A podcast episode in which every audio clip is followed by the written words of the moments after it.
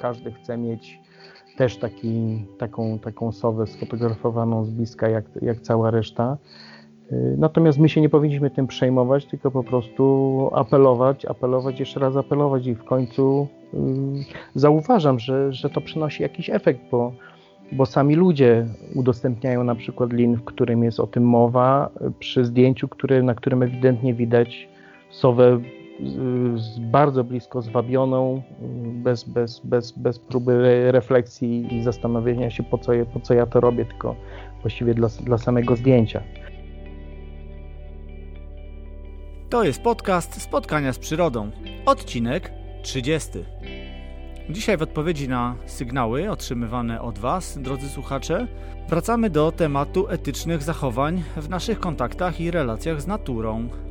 Usłyszycie garść ogromnie ważnych informacji dotyczących tego, na jak duże niebezpieczeństwo narażamy ptaki, wabiąc je dźwiękami.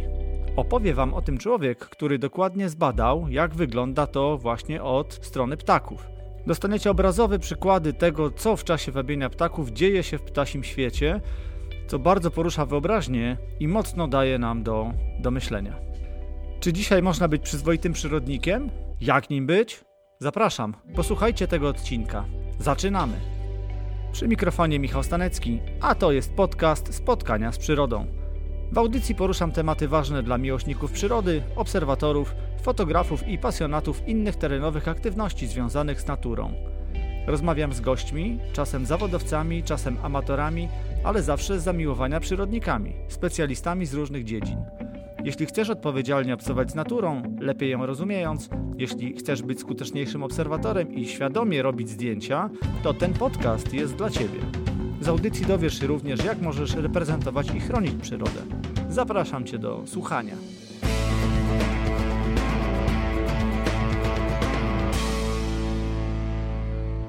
Cześć. Na wstępie tradycyjnie już krótkie aktualności z terenu. Ruszają kwiatki wiosenne i tu od razu nadmienię, że w rekomendacjach dostaniecie dzisiaj link do artykułu, który czy tekstu ilustrowanego zdjęciami świeżymi, aktualnymi do mm, tekstu, który napisał y, Michał Ludwiczak na swoim blogu. Jest on poświęcony właśnie fotografii wiosennych kwiatów. Michał pisze o tym po prostu, jak to robić, y, żeby osiągać fajne, ciekawe efekty.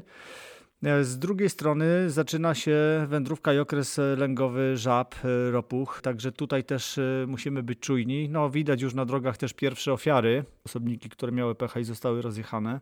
Na to też trzeba mieć baczenie, natomiast zaczyna się ruch w przyrodzie i tematów fotograficznych nie brakuje. W ostatnich dniach odwiedziłem kolonię gawronów. Chciałem popatrzeć i posłuchać tych ptaków w akcji. Tam naprawdę dużo się dzieje nagrałem, zarejestrowałem dla Was e, dźwięki dobiegające z tej właśnie kolonii. Myślę, że jest to też e, ciekawe, jak te, jak te ptaki się ze sobą komunikują. Możecie tego posłuchać.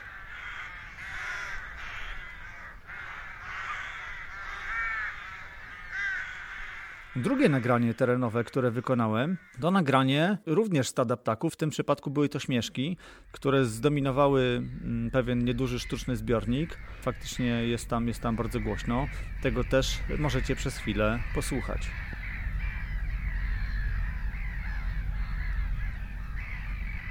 Do mojego wielkiego roku dopisałem w ostatnich dniach krwawodzioba, potrzosa i bataliona zaczynają lecieć siewkowce, także już coraz częściej je słychać i coraz częściej je widać i na nie też warto mieć teraz oczy otwarte. Przechodzimy teraz do treści odcinka. Bardzo dziękuję Wam za odzew po y, poprzednim, tym poświęconym drzewom. Dobrze jest wiedzieć, że niektórzy z Was y, interweniują. Super, to właśnie jest taka świadomość, odpowiedzialność i to zaangażowanie, o którym przecież ciągle mówimy i do którego dążymy. Dostałem już takie sygnały, że działacie, że macie otwarte oczy, jesteście czujni i gdzieś taką krzywdę drzew y, umiecie dostrzec. E, angażujecie się w e, szukanie sprawiedliwości, co czasami jest e, naprawdę takim żmudnym działaniem, ustalaniem krok po kroku, czyja odpowiedzialność, kto gdzie, na jakim odcinku, pisanie pisma, powiat, gmina, ochrona środowiska itd. Tak itd. Tak Szanuję takie zachowania, bardzo Was za to podziwiam. Bardzo się cieszę, że takie sygnały też do mnie spływają.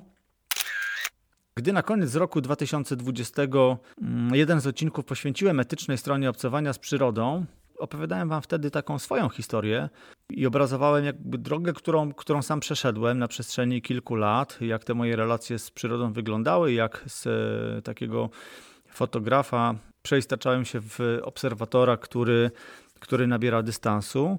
Ta publikacja tamtego odcinka zbiegła się w, wtedy w czasie z takimi różnymi mm, reakcjami, które, na które trafiałem w internecie. Pisaliście też do mnie wy, drodzy słuchacze. Okazało się, że oczywiście to może być zupełnie przypadkowa zbieżność i broń Boże nie przypisuje sobie tutaj żadnych, nie wiem, zasług, albo nawet nie wiem jak to określić, ale niektórzy właściciele czatowni w tamtym okresie, takich czatowni właśnie komercyjnych, w których wabi się zwierzęta mięchem, zrobili się wtedy jacyś nerwowi i zdecydowanie było widać, że ich aktywność e, na tym polu wzrosła. Pojawiły się jakieś wpisy na Facebooku, ba nawet e, całe artykuły poświęcone tej tematyce, podpisywane przez, uwaga, biologów, którzy w swoich tekstach przekonywali nas do do tego, że wabienie drapieżników przed czatowniami jest bezpieczne i etyczne, bo no właśnie, i tutaj trochę brakowało mi takich e, mocnych naukowych argumentów, a, a, a, pojawiały się często opinie, bo zachodni świat tak robi, bo w Skandynawii tak robią, to, to też jest ok, to u nas też można. Natomiast, co ciekawe, jakimś takim znakiem czasu jest dla mnie to, że jeżeli uznawany za dość opiniotwórczy w takim sensie masowym magazyn, który dla niektórych miłośników przyrody jest takim powiedzmy okienkiem na świat, publikuje tekst biologa, który przekonuje w nim, że wykładanie mięsa przed czatownię to nic złego i nie rodzi to zagrożeń dla zwierząt, to wydaje mi się, że mimo wszystko ten nasz świat staje jednak na, na głowie. Podkreślam, nie twierdzę, że te wszystkie rzeczy, które się działy, działy się w wyniku publikacji mojego podcastu. Była to pewnie przypadkowa zbieżność, ale też skutek tego, że po prostu zaczyna się o tym mówić. O tej nieetycznej stronie fotografii robi się głośno. Piszą o tym y, różni autorzy, piszą o tym y, ekolodzy, piszą o tym y, ornitolodzy, piszą o tym fotografowie. No jest pewne środowisko, które zaczyna być tym po prostu zmęczone i wkurzone, bo, bo cierpi na tym po prostu fotografia przyrodnicza i, i nie jest to dobre dla tej fotografii i dla, dla generalnie popularyzowania naszych e, działań. Co ciekawe, pod tymi wpisami, które tu przywołałem, nerwowymi w internecie, pojawiło się bardzo dużo komentarzy i ich ilość, ton i treść też dała mi mocno do, do myślenia. Otóż, e, no właśnie, jeden z właścicieli takich e, czatowni poskarżył się, że jest atakowany, wręcz hejtowany i pod tym wpisem można było zobaczyć naprawdę ogromną falę poparcia dla jego działań. Takie naprawdę mocne, bardzo często koleżeńskie wsparcie i to z ust między innymi członków Związku Polskich Fotografów Przyrody, czy nawet niektórych naukowców. Takie wręcz powiedziałbym, no przepraszam, bezrefleksyjne poparcie. Taki bardzo zamknięty, żeby nie powiedzieć zabetonowany punkt widzenia. Przyrównywanie też przeciwników e, komercyjnych czatowni, e, ludzie, którzy, którzy dążą do tego, żeby fotografować świadomie, świadomie podejmować swoje decyzje, działać odpowiedzialnie, nazywa się tutaj hejterami. No myślę, że to zupełnie niezasadne i dobrze by było sobie odświeżyć e, definicję słowa hejter i poczytać, czym jest hejt. Od Was, drodzy słuchacze, dowiedziałem się też, że próbowaliście udostępniać tamten mój odcinek na rozmaitych forach i grupach ptasiarskich i fotograficznych i że ten link stamtąd usuwano, twierdząc, że to hejt, że naruszenie dobrego imienia innych osób i tak dalej, i tak dalej. Krótko skomentuję. W tamtym odcinku nie uderzałem i nadal tego nie robię w nikogo personalnie, nikogo nie atakowałem i nikogo nie obrażałem. Ja tylko sygnalizuję, że jest ten problem i chciałbym bardzo, żeby y, fotografowie przyrody naprawdę świadomie podejmowali swoje decyzje, dokonywali swoich wyborów i brali za nie odpowiedzialność. Nie zamkniemy tych czatowni, one były, są i będą. Natomiast y, zwracam się do tych, i to nie ja jedyny, zwracam się do tych, którzy dokonują takich wyborów, bo to na Was czy na nich ciąży ta odpowiedzialność. Poza tym wiecie, lawina ruszyła, o tym się dzisiaj naprawdę mówi. To, to, to piszą o tym już gazety, piszą o tym dzienniki, to nie są już jakieś niszowe e, periodyki, także ten temat wraca. Są kolejne warsztaty. Ostatnio też widziałem, że Adam Wajrak e, prowadził też e, chyba jakiś webinar e, w tej materii etycznej fotografii. No po prostu to się zaczyna kręcić, także myślę, że jakaś, jakaś lawinka tutaj powoli się rozpędza, coś ruszyło i, i, i dobrze, że wyrażamy swój przeciw. Na Waszą prośbę wracamy, wracam dziś do tematu etyki. Chcieliście usłyszeć głosy naukowców z moim gościem, doktorem Romualdem Mikuskiem. Rozmawiam dzisiaj o tym, jak być przyzwoitym przyrodnikiem. Romek jest e, doktorem nauk biologicznych, ornitologiem z pasji, z wykształcenia. Jest specjalistą do spraw ochrony przyrody w zakresie badań naukowych i obszarów Natura 2000, między innymi w Parku Narodowym Gór Stołowych.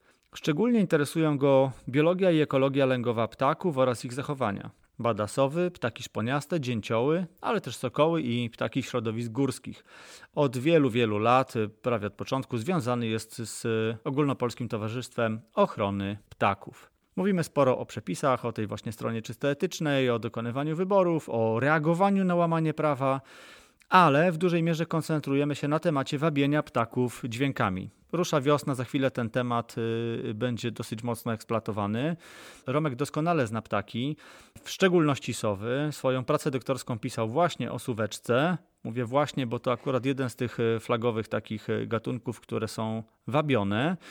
I Romek opowiada bardzo konkretnie i obrazowo, do czego może prowadzić takie wabienie. Niewinne przecież w naszych zamiarach. Wchodzi tylko zrobienie zdjęcia i pochwalenie się tym zdjęciem.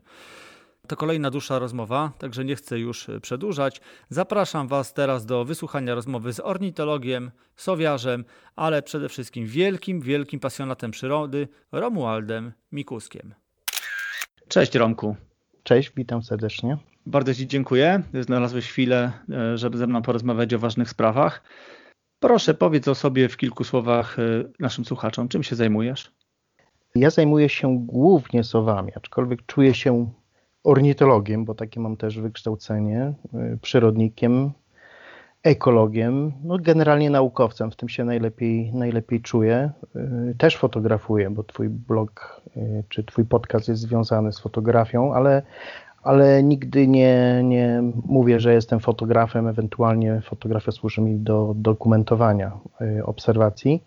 No, obecnie działam w tym roku dość, dość szeroko i, i już czuję taki stres związany z faktem, że ten rok jest, czy w ogóle sezon jest bardzo krótki, aczkolwiek dla, dla sowiarza sezon jest dłuższy niż, niż, niż dla innych, bo, bo on niestety już się zaczyna. No, jak ktoś się uprze, to może się zacząć jesienią, kiedy jest ta aktywność dość, dość spora ale powiedzmy od, od lutego, jeśli chodzi o puchacza, do, do lipca, kiedy te pisklęta się y, usamodzielniają, czy właściwie już młode, młode sowy. No ale w tym roku obszarowo, no to niestety albo stety działam dość, dość szeroko, bo od, od właściwie Podkarpacia przez Sudety aż po Pomorze i, i troszkę wschodniej Polski jeszcze, także. No ale ja, ja, mam taką specyfikę pracy, bo w parku nie pracuję, w Parku Narodowym Gór Stołowych pracuję na stałe y, od aż 94 roku, czyli rok po jego powołaniu, ale w tym momencie jestem tutaj zatrudniony na jedną czwartą z własnej woli i, i raczej nie chcę tego zmienić, ponieważ to mi pomaga objąć jakby szerszym kontekstem mm, nasz kraj, co, co mnie bardzo interesuje. Nie, nie, nie lubię działać w jednym miejscu. Mhm. Y, góry stołowe znam bardzo dobrze, y, ale y, nie sprawia mi radości aż takiej pójście w ten sam teren, który znam już, powiedzmy, byłem już tam 20 razy, wolę, wolę coś nowego uszczknąć, nawet jak to jest sztuczny las gospodarczy, bo zawsze to są nowe doświadczenia. A słuchaj, z takich y, świeżych spraw, z jakichś obserwacji terenowych, czy z działań, które wykonujesz, czy może pracy, którą wykonujesz w terenie w ostatnich dniach, coś, y, coś fajnego, coś takiego, co wiesz, podniosło ci e, włosy na głowie albo lekki dreszczyk wywołało? Wiesz co, y, z dwóch stron możemy na to spojrzeć. Pierwsza rzecz to jest taka, że ja wciąż poszukuję jakby nowych narzędzi do pracy z ptakami. Chyba jako pierwszy podejrzewam robiłem badania radiotelemetryczne w Polsce z końcem lat 90. czy początkiem 2000. Ale w obecnie w dużej mierze pracuję na rejestratorach audio, co mnie bardzo cieszy, bo te ptaki rzeczywiście, jak się zostawia rejestrator w terenie, to y, zachowują się i odzywają normalnie i, i głosy, które nagrywasz, no, są niesamowite. I, I, to oprócz tego, że, że nie zawsze jesteś w stanie określić, co się odzywa, jeśli, jeśli oczywiście się wcześniej nie, nie, za, nie odezwał jakimś typowym głosem, to druga rzecz, że, że na przykład y, jak przeglądałem chociażby nagrania z Biebrzy z ubiegłego roku, gdzie, gdzie próbowaliśmy nagrywać, y, badamy aktywność uszatki błotnej, no to między innymi jakieś takie cichutkie głosy, na przykład krzyka się nagrały. Nie sądzę, żeby takie nagrania gdzieś kiedyś ktoś miał, bo, bo to jest specyfika właśnie tego, tej metody. Druga rzecz, no to, to ostatnio... To przepraszam, wejdę w słowo i dopytam, bo mówisz o czymś, co jest powiedzmy analogią do, do automatycznych kamer, do fotopułapek, prawda? I, I, daje ci to możliwość zarejestrowania takich naturalnych zachowań, no w tym przypadku wokalnych, które są w żaden sposób nieprowokowane, niezakłócane poprzez obecność rejestrującego, tak? Zostawiasz sprzęt. Tak, tak, tak. To jest dokładnie, jest dokładnie to samo. Z co fotopułapka? Fotopułapka y, działa z reguły na, na ruch, Mhm. Tu masz nagrywanie w, dłuższym okresie czasu i musisz to potem przesłuchać. Z reguły to się ogląda oczywiście, widać y, na sonogramie, czy tam się coś nowego pojawiło, Jasne. czy nie, bo mo, można dość szybko przewijać. Natomiast y, druga rzecz, jaka różnica jest, to jest jakość plus, plus zasięg. Rejestrator jednak ten głos ściąga z dala, mhm. no i musisz uruchomić trochę i słuch, i, i, i wiedzę, i wyobraźnię też. Ja, ja uwielbiam podsłuchiwać, odsłuchiwać i to jest... Co poświęciłem to jest temu jeden z odcinków podcastu. Zaprosiłem Michała Zygmunta, to jest artysta, muzyk, Aha. kompozytor, którego przyciągnęła też y, natura. On, jak to mówi, któregoś dnia poszedł nad rzekę, bo to tam y, jakieś łęgi odrzańskie, te rejony, zabrał ze sobą sprzęt, no i jak, jak go pobrało, to tak siedzi w tym do dzisiaj, po prostu splata takie pejzaże dźwiękowe, E. Do niektórych dokłada od siebie jeszcze bardzo subtelną, delikatną e, muzykę, która fajnie koresponduje, podkreśla. No teraz po zimie to były e, krzyki łabędzi, mhm. krzykliwych zimujących, no cały czas żurawie, właśnie gęsi, ale też zanurza mikrofony w wodzie, mikrofony mhm. kontaktowe, które przykłada do różnych struktur powierzchni. Fenomenalna sprawa, po prostu zupełnie inny świat, nie? Obok I nas. On to, no, rozumiem, nagrywa na żywo, nie to, że od odtwarza tak. i później do tego on to, muzykę. On to, on to, tak, tak, tak, tak. Wszystko się dzieje. No cudowne. No, fajna sprawa. A z y, tych ostatnich obserwacji, wracając do, do mojego pytania? Próbuję sobie przypomnieć, no sporo tego było takich, może nie sensacyjnych, ale, emocjonalnych może. Emocjonalnych tak, no może tak, może tak, bo jakieś tam skoronki bijące się w otwartej przestrzeni o, o terytorium już. Ja generalnie najbardziej chyba mnie kręci behawior ptaków i to, to mhm. jest coś, co, co, co staram się, się zrozumieć po, po, po moich takich dość wnikliwych badaniach y, suweczki, na której robiłem doktorat.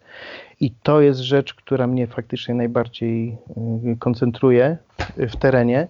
Próbuję sobie przypomnieć, no y, wiesz co, emocje może nie moje bezpośrednie, ale spotkaliśmy się z Markiem, moim takim przyjacielem przy samochodzie i on mi opowiadał taką historię ostatnio, ostatnio o tym żyje, czyli jego historią, czyli poszliśmy w, w, las, to jest koło Mielca, akurat robiliśmy inwentaryzację. Inwentaryzacja generalnie nie należy do jakichś tam y, strasznie trudnych y, naukowych zadań, no ale ornitolodzy często z tego żyją, zwłaszcza jak nie mają zatrudnienia y, pełnego. Natomiast tak, spotkaliśmy się i, i Marek opowiadał takie historie, jak to zanotował dzięcioła czarnego, który tam tokował, po 10 minutach wraca i słyszy, że, że samica tam się strasznie mocno niepokoi. I, I podszedł w to miejsce i patrzy, a jastrząb po prostu siedział na tym samcu, którego on odnotował jako terytorialnego. No i oskubywał go. Y, jak zobaczył Marka, to się poderwał, ale zostawił mnóstwo piór i razem i głowę też tego samca. I taka Ups. historia, wiesz, no, y, to jest, to jest z tych takich, które w pierwszym momencie oczywiście reagujesz, aj szkoda, mm, straszna rzecz, ale później zaczynasz się nad tym wszystkim zastanawiać. No, są to układy, układy naturalne i ktoś kiedyś powiedział, że, że jedna z trudniejszych rzeczy, którym człowiek się spotyka, to jest pogodzenie się właśnie z taką naturalną śmiercią, którą spotykasz w przyrodzie. Są to mhm. naturalne układy, drapieżniki wiadomo, że nie jedzą marchewki, więc wiadomo, że ten jastrząb musi. Tu, tu akurat w tej sytuacji o tyle dla mnie to było takie ciekawe, bo trochę się teraz ostatnio też y, zajmuję z dzięciołem czarnym przez fakt, że że jest to dziuplak, dostarczyciel w ogóle dziupli też dla, mm -hmm. dla mhm. Włochatki, którą też się zajmuję, y, zwłaszcza, zwłaszcza ostatnio właśnie Włochatka mnie tak bardzo kręci. I, tak, I trochę jestem zdziwiony, że jastrząb, ja wiem, że to jest mocny ptak i to była samica, więc, więc to jest o, ogromny, powiedzmy, mm -hmm. od myszołowa znacznie większa, większa taka samica jest Natomiast, że się zdecydował na taką ofiarę, no to musiała być albo zdesperowana, albo dobrze wiedzieć, jak, jak tego dzięcioła chwycić, żeby nie zrobił jej krzywdy. To, to dla mnie takie było też trochę zaskoczenie. No bo ten dzięcioł to już dysponuje dłutem y, sporych rozmiarów. Tak, jakby nie uruchomił go od razu i on mógłby tą głowę użyć, no to jest bardzo niebezpieczne. No.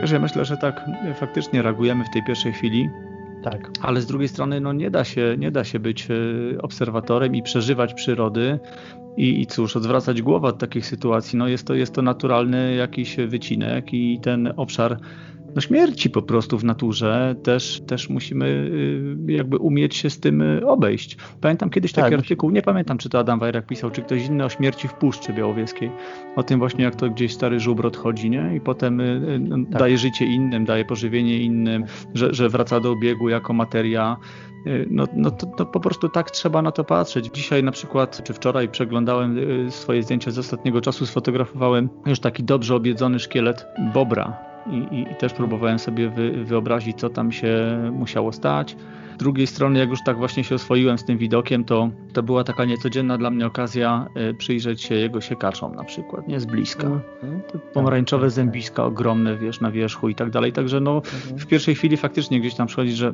jak to się mówi, szkoda zwierzaka, ale z drugiej strony pamiętajmy, no to, to, to my jesteśmy tutaj w tym teatrze natury i, i nie ma tu cenzury, że, że pewnych rzeczy, no nie wiem, będziemy unikać, odwracać głowę. Na tym polega też jej chyba szersze rozumienie i, i, i tych właśnie mechanizmów.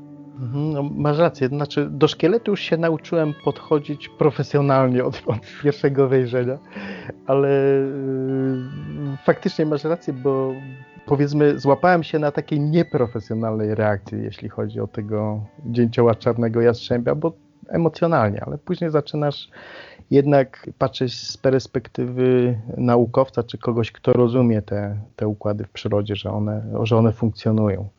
Wiesz, to, to, to, to, chyba jest też tak, że po prostu y, ja nauczyłem się reagować na przykład na martwe ptaki E, no, sprawdzając, czy mają, mają obrączkę. No, to, to, to jest jedna mhm. strona medalu. Druga strona to to, że wiesz, no, nieczęsto mam okazję zobaczyć z bliska na przykład mhm. wielką stopę whisky. Mhm. A, tutaj, tak. a tutaj wiesz, leży, leży martwy ptak, no, no ja już jemu nie pomogę, nie? Nic, nic tu więcej tak. nie zrobię. Natomiast mogę się przyjrzeć, mogę wejść. Ale dobra, bo tutaj idziemy w Idziemy w inną stronę, stronę tak, ale tak, wiesz, tak. no było, nie było, y, jest to jakiś związek, uważam, Oczywiście. bo, bo to jakby opowiadamy o wrażliwości, prawda? Czyli niekoniecznie na śmierć, czyli bardziej może na jakąś krzywdę, czy, czy jakąś podświadomą niesprawiedliwość społeczną.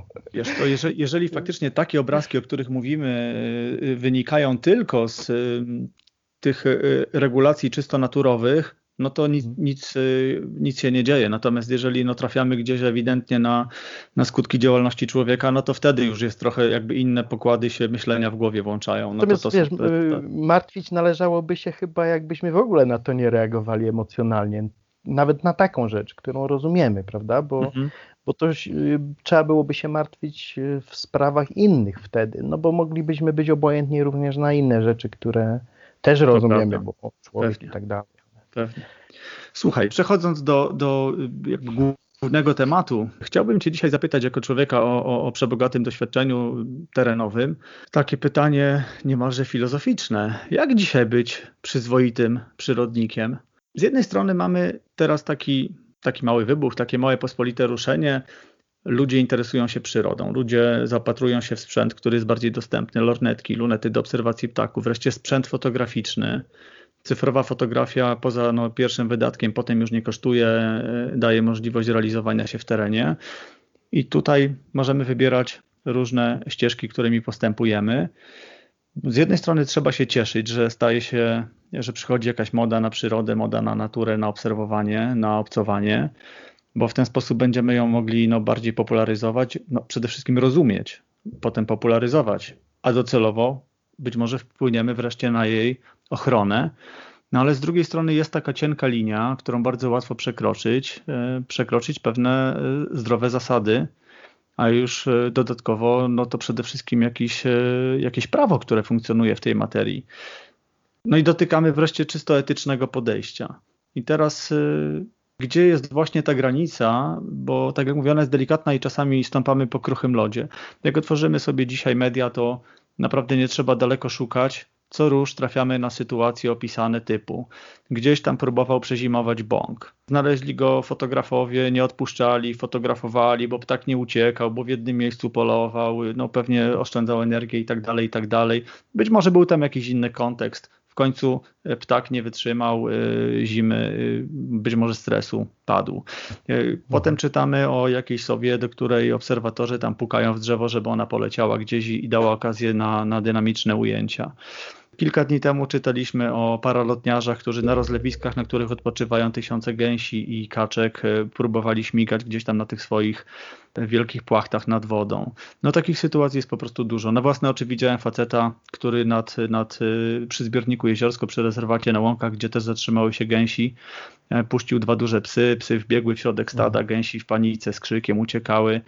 No jest tych sytuacji bardzo dużo. I teraz e, jak się w tym wszystkim odnaleźć, jak się nie pogubić, jak nie zejść z dobrej e, drogi, no porozmawiajmy chwilę o, tych, mhm. o tym podejściu takim zdroworozsądkowym, ale też prawnym, i czysto etycznym do, do przyrody.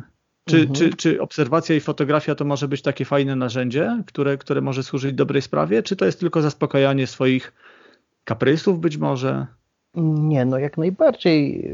Nie można tego potępiać, aczkolwiek oczywiście spotykam się z taką postawą, że, że się wkłada wszystkich fotografów do jednego worka i, i piętnuje, bo ja jestem tutaj wielki ochroniarz i, i nie pozwolę na to. No nie można też tak robić.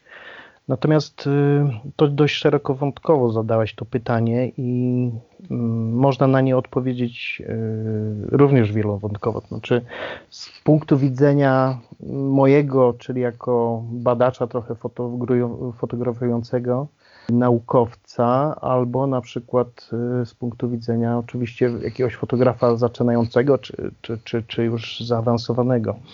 Na pewno nie można być obojętny i przypatrywać się temu. Takie przykłady, jak ty opowiadasz. Jeśli ktoś jest świadkiem, no to musi reagować. To, że ludzie czasem robią coś nieświadomie, na przykład tak jak ten człowiek, który puścił psy, no oczywiście bez wyobraźni, ale może jak, nie wiem, puszczał te psy nie wiedział, że one tak zareagują, gdzieś tam pobiegną, może wydawało mu się, że jest. Ja z nim tyle... porozmawiałem, tak. To, mhm. nie była, to nie była świadoma akcja. On, no właśnie. Y, to było po prostu takie trochę bezmyślne, bezrefleksyjne puszczenie psów, tak. bo zawsze je tam puszczał, no a tym razem akurat były gęsi, no ale te gęsi było widać. Tak, ale wystarczyła tak, tak, taka, tak. taka, taka delikatna rozmowa, naprawdę miękka argumentacja, że te ptaki no, lecą tysiące kilometrów, muszą się zatrzymać, muszą się najeść, mhm. muszą odpocząć. No i mhm. po prostu zabieranie im tej energii w ten sposób, y, stresowanie ich, y, no, to zwiększenie ryzyka tego, że gdzieś tam w tej podróży będzie, może się zdarzyć jakaś katastrofa dla niektórych z nich. No to jest właśnie taki fajny, tak. fajny wątek właśnie, który teraz mówisz, czyli miękkie zwrócenie uwagi. My nie powinniśmy być, yy, zastępować Sądu Najwyższego i, i, i wymądrzać się, tylko wszystko trzeba zrobić y, w ten sposób. Jakbyśmy mieli do czynienia z kimś, kto, kto, kto nie wie o niczym, co, co się dzieje, prawda? Chyba, że coś ewidentnie jesteśmy świadkami, że, że, że ktoś robi to, y, żeby szkodzić przy okazji, znaczy nie przejmuje się tym, że, że szkodzi. Wiesz co, przypomniała mi się taka sytuacja, o której ostatnio czytałem, czy słyszałem, yy, Michał zdaje się, Dorociński, tak? On ma na imię. Marcin, jeżeli Marcin mówisz o, o naszym tak. aktorze, ambasadorze aktorze. też. Y, tak jest. I on przyrody. taką fajną, fajny przykład dał, który, który jest bardzo adekwatny do tego, jak, jak to jego pies gdzieś tam zrobił kupę, on tego nie sprzątnął, chyba nawet nie zauważył za bardzo. I jakaś starsza kobieta podeszła, zwróciła mu bardzo delikatnie uwagę, powiedziała, może pan nie ma woreczka, dała mu, on to sprzątnął i on był zachwycony tą postawą, mnie, mnie też to tak poruszyło i to jest właśnie mhm. to. Czyli my powinniśmy reagować bardzo, mm, stan może stanowczo, tak, ale, ale, ale delikatnie, dopóki oczywiście się nie spotkamy z jakimś hamstwem czy, czy, czy, czy agresją. Oczywiście, no to już wtedy zmieniamy opcję. Natomiast nie powinniśmy od razu reagować, jak to czasem jest, y, na forach się czyta, y, coś złego się dzieje, no to tam zaraz kalumnie lecą. No, jakieś powiedzmy politycznie trzeba do tego podejść odpowiednio. Druga rzecz, która mi się też tak nasuwa teraz z, tych, z, tych, z tego um, worka pytań, które teraz zadałeś, mhm. to jest y, kto jest tu autorytetem? Czyli mam wrażenie, że, że teraz y, w polskiej. To dzisiaj to Facebook chyba. Tak, Facebook i każdy, kto cokolwiek napisze. A tak, bardziej to tylko ma klawiaturę, to już, to tak. już może. Im bardziej agresywnie, emocjonalnie, tym większym jest tutaj, yy, większy posłuch ma. Trochę mnie boli, że niestety yy, naukowcy, którzy się naprawdę na, znają na różnych rzeczach, yy, są, są spychani gdzieś na margines. Słucha się na przykład polityków albo kogoś, kto, y, kto prezentuje jakieś skrajne postawy, niekoniecznie dobre. Nigdy skrajność nie jest dobra. Myślę o tych, którzy powiedzmy w jakiś sposób może zaczynają swoją przygodę z tak. przyrodą szeroko pojętą, czy też ich doświadczenie może nie jest jakieś przebogate. No to to może zaczniemy od przygotowania merytorycznego, że to, że to nie jest tak, że, że kupujesz wiesz, sprzęt Canona czy Nikona i to czynicie fotografem, bo do, do bycia fotografem y, no jednak trzeba przygotować się w taki sposób, że mieć jakąś wiedzę techniczną dotyczącą samej sztuki fotografowania, no ale jednak jeżeli chcesz być fotografem przyrody, no to należałoby sobie zadać odrobinę trudu, wiedzieć e, cokolwiek o po pierwsze, przepisach i zasadach etycznych, i może to weźmy na pierwszy ogień, że to nie jest wolna tak. amerykanka, mhm. że my możemy mhm. wszędzie wejść i wszystko zrobić. Mhm. Masz rację, no w tych y, dwa podstawowe dokumenty, czyli kodeks etyczny Związku Polskich Fotografów Przyrody, prawda? Bo tak to jest, jest tak jest. Tak jest, to jest pierwsza rzecz. Druga rzecz to jest e, to, gdzie jesteśmy, czyli jeśli to jest park narodowy, czy jakiś obszar chroniony, czy to jest y, prywatna, prywatne miejsce, to jest druga rzecz, gdzie obowiązuje jakieś przepisy. No i trzecia rzecz to jest też ustawy oczywiście odpowiednie o ochronie, ochronie przyrody, o płoszeniu, niszczeniu siedlisk i tak dalej. To są te trzy rzeczy, mm, które może nawet nie trzeba studiować, powiem szczerze, bo tak się czasem zastanawiam, jak, jak, jak jest na przykład 10 przykazań, to każdy to czuje, że, że one może y, nie są jakimś, jakimś wymysłem y, oderwanym od rzeczywistości, ponieważ każdy, jeśli ma jakieś poczucie y, godności, czy, czy, czy, czy w ogóle człowieczeństwa, no to czuje, że zabijanie, uszkadzanie i tak dalej nie jest, nie jest etyczne czy, czy moralne. Więc te przepisy jakby są, jakby służą temu, żeby to zdefiniować. Natomiast każdy powinien to nosić, nosić w sobie i, i jeśli ja zwracam komuś uwagę, na przykład, że jedzie poza szlakiem w parku rowerem, no to mm, spotykam się często, że są dyskusje na ten temat, bo, bo dlaczego nie? Natomiast chodzi o, o wyczucie sytuacji. Tak samo z fotografowaniem, czy, czy właśnie na przykład używaniem głośnika parku narodowym, gdzie jest zabronione w każdym parku używanie y, czegoś takiego, y, stymulacji głosowej. I, I to powinno być zrozumiałe i takie, przynajmniej takie dokumenty, a jeszcze dobrze, jeśli nie jest zrozumiałe, to ktoś, kto powinien, y, kto zaczyna fotografować i używać coś takiego, no to jest kwestia pół godziny, żeby się dowiedział, oprócz tego, jak to robić, bo to go głównie interesuje, to się powinien również dowiedzieć, dlaczego i w jakich sytuacjach tego nie powinien robić. I to jest kwestia tylko wystukania tam paru y, haseł, czy, czy w ogóle chęci dowiedzenia, dowiedzenia się tego, żeby później nie, nie wyjść na, na jakiegoś tam nie, nie, niedouczonego w terenie. No też się te, z tego trzeba z tego trzeba wstydzić tego. I to, I to chyba nie trzeba od razu sięgać po ustawę o ochronie przyrody i, tak, i, i, i się jej uczyć na pamięć, bo faktycznie ten kodeks etyczny ZPFP może on też nie jest doskonały, no ale nie mamy tu innego narzędzia. Natomiast on bardzo ładnie w formie niemalże takich dziesięciu przykazań dosyć jasno y, stawia, stawia sprawę. Wiesz, poza tym jak się wchodzi do Parku Narodowego, no, do niektórych wstęp jest y, biletowany, do, do niektórych nie, wolny, czy nawet do, do rezerwatów, czy na jakieś ścieżki y, dydaktyczne. Bardzo często pod czerwoną tablicą oznaczającą dany obiekt mamy też te 10 przykazań. Że pies tak nas myczy albo mhm. wcale, że nie śmieć, że nie hałasuj, nie płosz, nie schodź ze ścieżki tam, tam, nie ma jakiejś ciężkiej filozofii. Tak, masz, masz rację, bo to, to jest, zacząłem mówić właśnie o tym, o tych dokumentach, które powinniśmy się y, zapoznać. Mhm. Powinniśmy, uży, użyłem teraz w cudzysłowie. Zaraz się złapałem na tym, że oczywiście ja muszę je znać jako, jako zawodowiec, czy pracujący w, w parku w ochronie przyrody, czy zajmujący się naturą 2000. Natomiast nie oczekujmy od ludzi, że zaczną czytać ustawy, ale to, co mówisz, to są rzeczy bardzo instynktowne, i nie wymagające strasznych przeszukiwań internetu, tylko tak, tak, tak opowiadasz. Wystarczy spojrzeć na tablicę i, i przeczytać pismo obrazkowe ze zrozumieniem. Czasem wystarczy to. Natomiast zauważ, no, y, nie ma, ja nie znam takiej tablicy w parkach narodowych, która y, mówi o tym, że zakaz używania y, głośnika. głośnika. A może właśnie coś takiego teraz mi zasługę przyszło do głowy, może za czymś takim właśnie, z czymś takim chyba może wyskoczymy z naszym, w naszym parku. Ponieważ Zresztą no, w wielu parkach już pojawiły się e, tablice zakazujące lotów dronów. To tak, widziałem i tak. to jest taka nowość, no można powiedzieć w perspektywie kilku ostatnich lat, tak jak, jak popularność dronów wzrasta, nie? Tak, no bo to już jest w ustawie zapisane. To, żeby latać dronem w parku trzeba mieć specjalne mhm. zezwolenia. Dokładnie. Ale jest obraz obrazek, jest przekreślony dron, tak. także tam ładnie by korespondował przekreślony głośnik. Tak, jest tam, e, masz rację, jest, jest zakaz hałasowania, natomiast ludzie nie rozumieją, co znaczy hałasowanie. Jeśli grzybiarze się nawołują z kilometra, no to dla nich Aha. nie jest hałasowanie, tylko po prostu próba przetrwania. E, tak, jasne, walka, walka o życie. Walka o życie, tak jest. I, I, zawsze się mogą z tego, z tego wytłumaczyć, ale rzeczywiście używanie głośnika, wiesz co, tak mi teraz przypomniała się taka sytuacja, ja to kiedyś opisywałem, ale bardzo krótko, na kładce w Biebrzańskim Parku. Przyszła sobie taka parka, trochę ludzi było, śpiewał podróżniczek, i pani w momencie, kiedy weszła, pan za nią z taką właśnie wielką rurą, jak tylko weszła, to zaraz zaczęła wabić tego y, podróżniczka.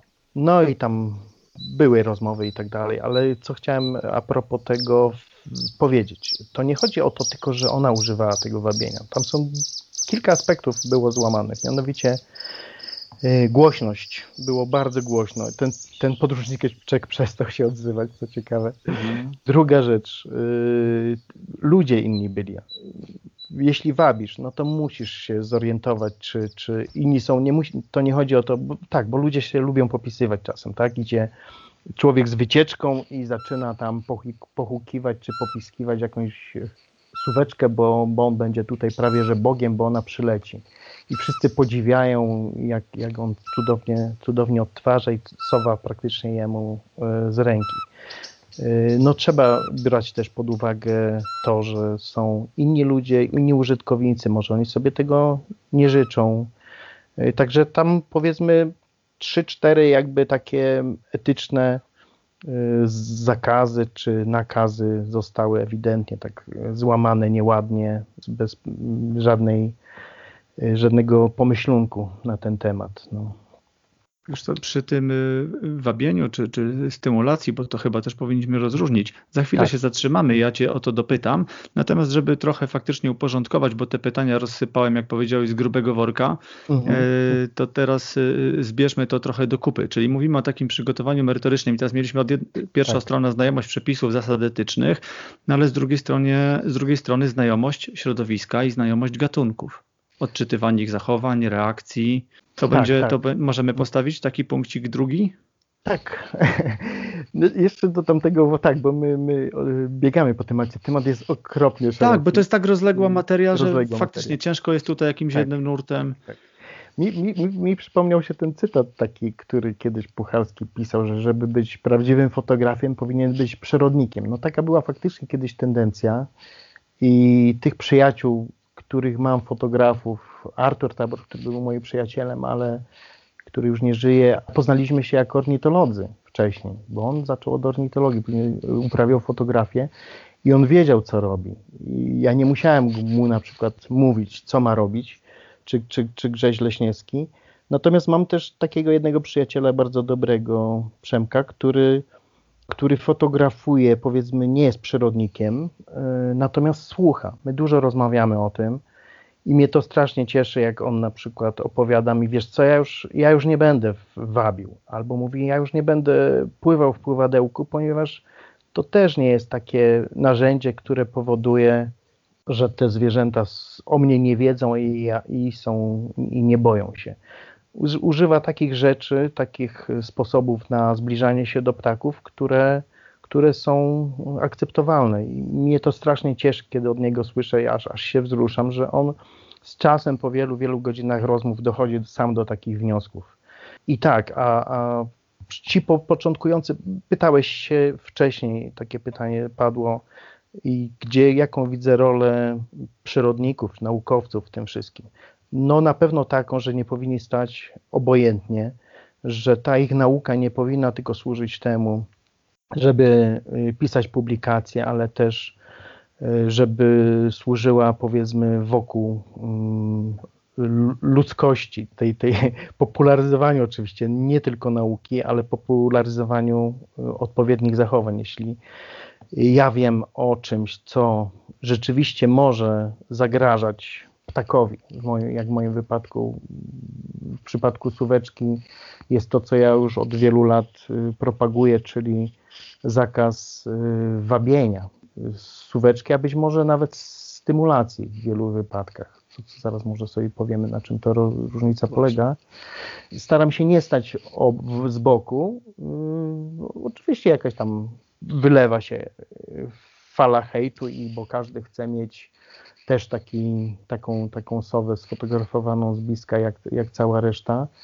Yy, natomiast my się nie powinniśmy tym przejmować, tylko po prostu apelować, apelować, jeszcze raz apelować i w końcu yy, zauważam, że, że to przynosi jakiś efekt, bo bo sami ludzie udostępniają na przykład link, w którym jest o tym mowa, przy zdjęciu, które, na którym ewidentnie widać sowę z bardzo blisko zwabioną, bez, bez, bez, bez próby refleksji i zastanowienia się, po co, je, po co ja to robię, tylko właściwie dla, dla samego zdjęcia. A Więc skąd tak, ty wiesz, że ta sowa jest y, zestresowana na przykład? Wiesz co, było w momencie, kiedy przygotowywałem... Wiesz, ja, ja wiem skąd ty wiesz, ja tak cię trochę wypuszczam. Pamiętam jak przygotowywałem też wystąpienie na, o etyce na ZPFP na wizjach natury. E, mhm. Tak, to przeglądałem wtedy właściwie na jednym z portalów zdjęcia suweczki wszystkie, no to tam chyba, o ile dobrze pamiętam, jakieś 350 zdjęć suweczki, mniej niż zięb, a jakieś koło 200 takie bez wątpienia było bardzo mocno, silnie zaniepokojonych. No, tak zwana akurat, kwadratowa głowa? Tak jest, tak jest. My to mówimy kwadratowa głowa albo telewizor. Tam jeszcze innych parę rzeczy wchodzi, czyli ewidentnie takie jest y, przewężenie poniżej tej głowy, szyja jest taka jakby węższa, no bo ona jest wyciągnięta wtedy. Druga mhm. rzecz to jest ogon rozłożony z wachlarz. Y, kiedyś, aha i też jest taka napuszona generalnie, no widać, że ona się stara być taka większa z, z punktu widzenia, tak, w, w, punkt, który patrzy, ona tutaj się stara być taka szersza, wyższa, groźniejsza, no jak to u wszystkich powiedzmy tych zwierząt, które czują zagrożenie, no bo to jest taka postawa prawie, że zagrożenie, dla niej obcy samiec w terytorium, a ona, ona go nie może znaleźć, taka jest zdeprymowana, taka jest zaniepokojona, jest, jest bardzo stresogenną, stresogenną sytuacją.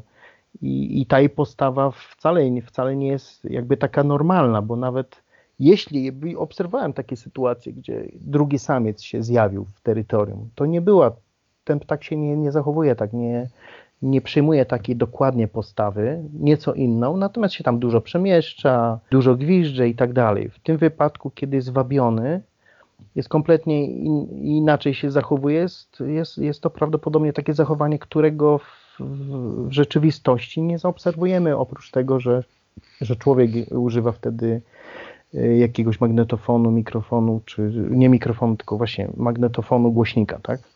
Czy gwizdże.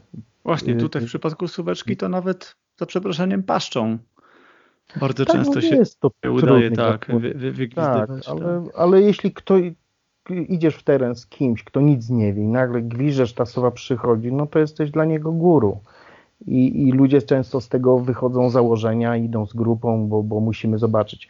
Mnie się oczywiście zdarzało kiedyś też y, gwizdać, y, nawet, nawet w jakiejś większej grupie, która była bardzo zdesperowana, żeby zobaczyć tą suweczkę, ale jedna sytuacja miała miejsce jesienią. I jeśli usłyszałem tego ptaka, przestawałem po prostu gwizdać, bo on był gdzieś tam w koronach, nie zleciał nisko, więc nie był do, do sfotografowania. To jest troszeczkę inna sytuacja, czyli to jest tak samo jak z tą stymulacją, czyli stymulacja, która polega na tym, mm, to akurat zdefiniujmy tutaj może już od razu, mhm. stymulacja, czyli ja odtwarzam jakiś dźwięk i staram się spowodować, żeby ten ptak, którego odtwarzam, się również odezwał, najczęściej tym samym y, głosem. To generalnie dotyczy głównie, głównie samców, oczywiście w terytoriach, y, które odzywają się jakimś głosem godowym, czy właśnie terytorialnym, bo to też są, trzeba czasem rozróżnić dwa głosy. No i w momencie, kiedy się tak odzywa, ja tą stymulację przerywam od razu, bo nie chodzi tylko o to, żeby się dowiedzieć, czy ptak jest, jeśli on jest akurat cicho w terytorium.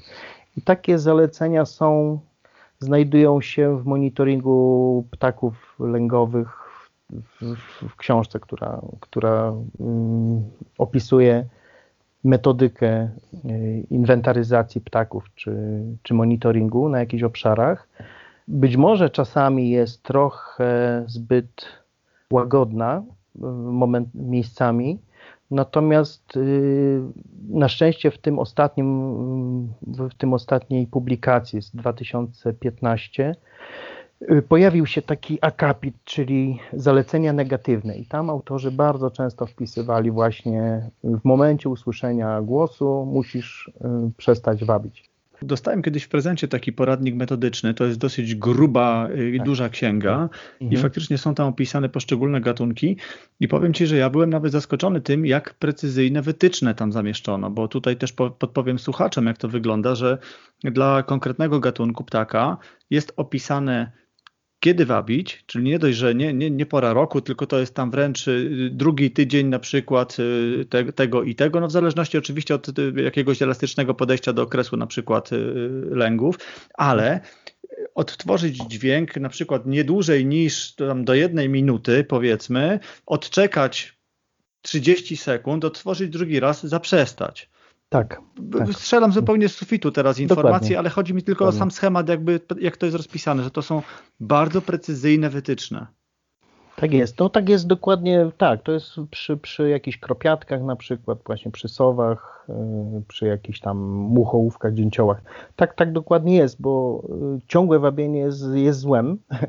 I tak, ten poradnik jest bardzo fajną. To jest też jedna rzecz, którą proponuję fotografom czasem sobie poczytać nie dlatego, żeby się zorientować, jak tego ptaka wabić, tylko jak właśnie nie wabić czy stymulować. Yy, chodzi mi o to, że właśnie te ciągłe stymulacje albo kiedy w ogóle tego nie robić. Na szczęście chyba w przypadku słów dość często się teraz pojawia, że po prostu na przykład w przypadku włochatki tak jest, że jeśli masz, masz, yy, spontaniczne, masz spontanicznie odzywające się ptaki, w ogóle nie powinniśmy tego stymulować ptaków, ponieważ nawet dla samej y, orientacji w terenie, co gdzie jest rozmieszczone, to przeszkadza. My jesteśmy w stanie zwabić sowę, nawet puszczyka, włochatkę czy suweczkę z dużej odległości, jeśli zaczniemy ją wabić i wtedy nie mamy pojęcia skąd ten ptak do nas y, przyleciał, co on tu robi. Miałem też taką sytuację, pamiętam, pojechałem gdzieś tam, nie będę mówił gdzie, gdzieś tam na północ. Chłopcy zaczęli robić właśnie jakieś liczenia włochatki i prosili mnie, żebym skontrolował w terenie, czy oni tak jakby robią to poprawnie, metodycznie. No i wyszedł chłopak z samochodu i pierwszą rzeczą to było to, że zamiast nasłuchiwać, czy coś się dzieje, no to on od razu włączył głośnik i to jeszcze na całą parę. No to takie rzeczy nie robi się y, zwyczajnie. -hmm. I i co proponuje młodym adeptom? No to jest y, jakiś kontakt z, z ornitologiem, niekoniecznie zajmującym się sowami, ale takim, takim poczuciem trochę etycznym, większym, czy wrażliwością, który czasem podpowie, bo to, to o czym, od czego zaczęliśmy na początku, y, czyli wiedza. To nie jest tylko po to, żebym, o, ja rozpoznam gatunek, to później nie będę, będzie wstydu, że nie rozpoznałem myszołowa włochatego od, od, od zwyczajnego. To nie o to chodzi. Tylko o to chodzi, że przy, w, w, jeśli nie rozpoznajemy gatunku, możemy zrobić po prostu szkodę, bo y, inaczej trzeba podchodzić do, do ptaków, które są y, rarytasami, bo one powinny być definitywnie wykluczone z jakiejkolwiek ingerencji człowieka, jakiś tam, nie wiem, kulon y, czy kraska, żeby tam się y, im nie szkodzić, bo, bo każda para jest cenna. A to od razu y, twarde pytanie strzelam. Utajniać lokalizację takich, takich gatunków? Wiesz co, ja się, tak, jeśli chodzi o lęgowe, jak najbardziej. Natomiast yy, jeśli chodzi, bardzo często o tym myślę, jak na przykład ta sowa jarzębata, która była teraz mhm. w Polsce, o której wspomniałeś mi, mi wcześniej w naszej wstępnej rozmowie, to ja uważam, że oczywiście, że to leży po stronie obserwatora. On powinien się czuć odpowiedzialny za tego ptaka, którego zaobserwował. Jeśli on stwierdzi, że w tym indywidualnym przypadku nie zaszkodzi nic, jeśli on powiadomi. Ta, tak, taka chyba sytuacja była dokładnie z, z sikorą lazurową. Nie sądzę, żeby tam była jakaś y, zła ingerencja. Po prostu mhm. dużo ludzi stało, ta sikora przylatywała, karmili, karmiło, do karmnika ludzie ją za, zaliczali, ludzie ją fotografowali, ona odlatywała. Tam nie było żadnej ingerencji, ludzie mhm. stali w odpowiedniej odległości. Na szczęście to było na terenie prywatnym, więc tam była kontrola.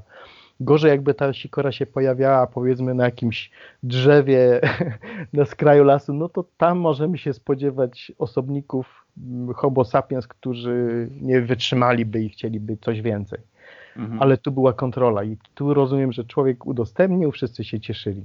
Przy takiej sowie jarzębatej tu już bym miał też sam wątpliwości, yy, czy, czy, czy udostępniać. To nic by się nie stało, jakby taka informacja poszła miesiąc później. Oczywiście byłoby dużo pretensji, bo ja mogłem pojechać zaliczyć. No ja powiem Ci, że też tak się często na tym, ja, ja nie jestem birdwatcherem, nie, nie zaliczam ptaków, wiem ile, może nie, już chyba nie wiem, ile widziałem w Polsce, bo, bo jakoś tego nie, nie dbam o to za bardzo, ale to jest, y, cieszy nowa obserwacja nowego gatunku, czy usłyszenie, bo, bo to też uczy, czy, czy, czy zobaczę tutaj w Polsce, czy na, na swojej wyprawie jakiejś nowy gatunek, no lubię to, bo to jest, powiedzmy, o nim coś wiem, o nim czytałem i nagle go widzę i, i, jest przede mną na przykład jak, jak, jak, piękny obraz w galerii y, autentyczny, a nie jakaś kopia, tak? To jest mniej więcej to samo. Druga rzecz to jest dzięki temu, że wiemy cokolwiek, to nie szkodzimy, nie tylko dlatego, że mamy do czynienia też z rarytasem. Jeszcze jedna historia mi się tak przypomniała a propos tego, co teraz mówimy. Kiedyś ktoś, weterynarze chyba, gdzieś dostali jakiegoś ptaszka, i żebym ja teraz wiedział co. Natomiast y, to jest mało ważne. Ważne jest to, że ten ptak był y, ziarnojadem, a rozpoznali go jako ptaka, który je kompletnie co innego. To jest mhm. mniej więcej to samo w fotografii, że wiedząc z czym mam do czynienia, powinienem wiedzieć y, jak się zachować. To nie, nie tylko z czym, ale też okres. Na przykład jeśli mamy do czynienia z sieweczką obrożną nad morzem w, w czerwcu, i ona się od, specjalnie zachowuje. Yy, powiedzmy, ewidentnie na nas zwraca uwagę, jakby my wiemy, że odciąga, no ale ktoś, kto nie zna przyrody, nie zna się na przyrodzie, nie wie, że to jest ptak, który, który odciąga, bo one nawet potrafią udawać, że gniazdo robią. Yy, gdzieś tam to jest też yy, jedna z form yy, reakcji na drapieżnika. Tak, symulują to, kontuzję, nie? Robią tego tak. typu sztuczki gdzieś tam. Tak, tak, ale no, to ciekawe jest właśnie z tymi dołkami. Mnie to zawsze fascynuje, bo y, jakby wiedziały, że człowiek powiedzmy szuka gniazda, to one udają, że siedzą na tym gnieździe. To jest, to jest, to jest niesamowite. No być może to gdzieś tam pierwotnie wychodzi, wyszło z tego, że ludzie po prostu gniazd szukali, żeby jajka wybrać. Być może to jest to. Mhm. Tak, i, i jeśli nie tylko chodzi o gatunek, ale też zachowanie się, no to powinniśmy z takich, y, na takie rzeczy zwracać uwagę i odpowiednio reagować. Jak na przykład podchodzimy do ptaka, nie powinniśmy powodować to, żeby on się zerwał, przemieścił, uciekał. Jeśli widzimy reakcję, że on się oddala na piechotę albo, albo w pierwszej reakcji, one bardzo często mm, jakby robią taki freezing, zamra, zamrożenie. Mhm. I widać, że jest zmiana reakcji, no to od razu powinniśmy się wycofać, bo widać, że one, one na nas zaczynają reagować mają jakiś wewnętrzny dyskomfort związany z obecnością, nie wiem, piskąt gniazda, czy w ogóle miejsca żerowiskowego, które jest dla nich optymalne, a my je płoszymy i one w ogóle przelatują gdzie indziej na jakieś suboptymalne miejsce i tak dalej, i tak dalej. No to są... teraz, teraz będę, y, na chwilkę wejdę w słowo, bo tak. mieliśmy teraz taki nasilony czas przelotu gęsi, i to też było doskonale widać po tych y, ogromnych, wielotysięcznych stadach, które zatrzymywały się gdzieś tam w dolinach rzecznych na odpoczynek, żerowanie. E, właśnie jakie dają sygnały nam, obserwatorom, po których możemy odczytywać po prostu y, to, co się dzieje, że jeżeli ptaki, 90% z nich ma opuszczone głowy i sobie spokojnie żeruje, skubie, kręcą się, no oczywiście jakieś interakcje między nimi, jak to, jak to, jak to w rodzinie gęsi dłużej.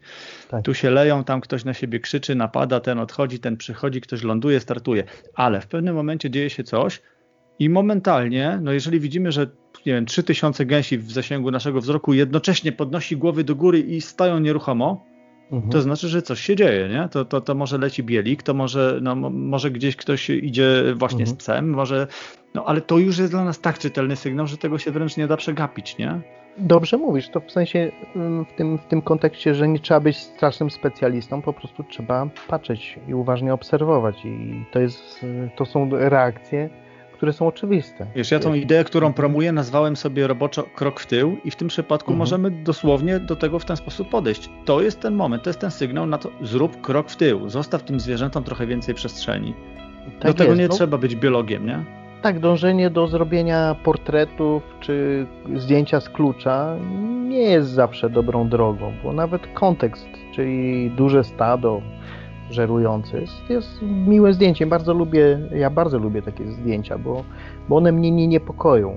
Natomiast jak ja widzę gęś z wyprostowaną szyją na zdjęciu, to już wiem, że być może ona się za chwilę zerwała albo, albo już, już jej się kortyzol wydziela. No.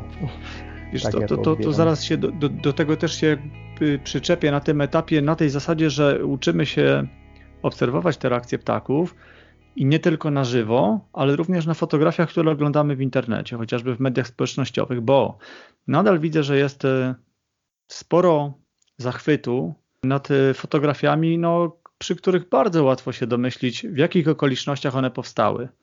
No bo umówmy się, że, że ptaki szponiaste, czy, czy super inteligentne kruki, to nie są gatunki, które dają się podejść ze spaceru i sfotografować w wersji wręcz portretowej słynne lądowanie powiedzmy Bielika, czy, czy jakieś takie mhm. mocno zbliżone kadry, możemy się domyślać, że, że jednak było to robione przy pewnej ingerencji.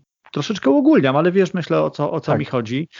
Czy, czy tak mhm. jak mówisz, właśnie, przestraszona suweczka, czy wy, zesztywniała gęś, yy, czy to też nie jest trochę przestrzeń, w której również powinniśmy reagować, czyli nie tylko w terenie sami yy, wykonać krok w tył, grzecznie, fajnie, konsekwentnie i stanowczo promować takie zachowania u innych, ale też e, reagować poprzez e, wspomniane media społecznościowe.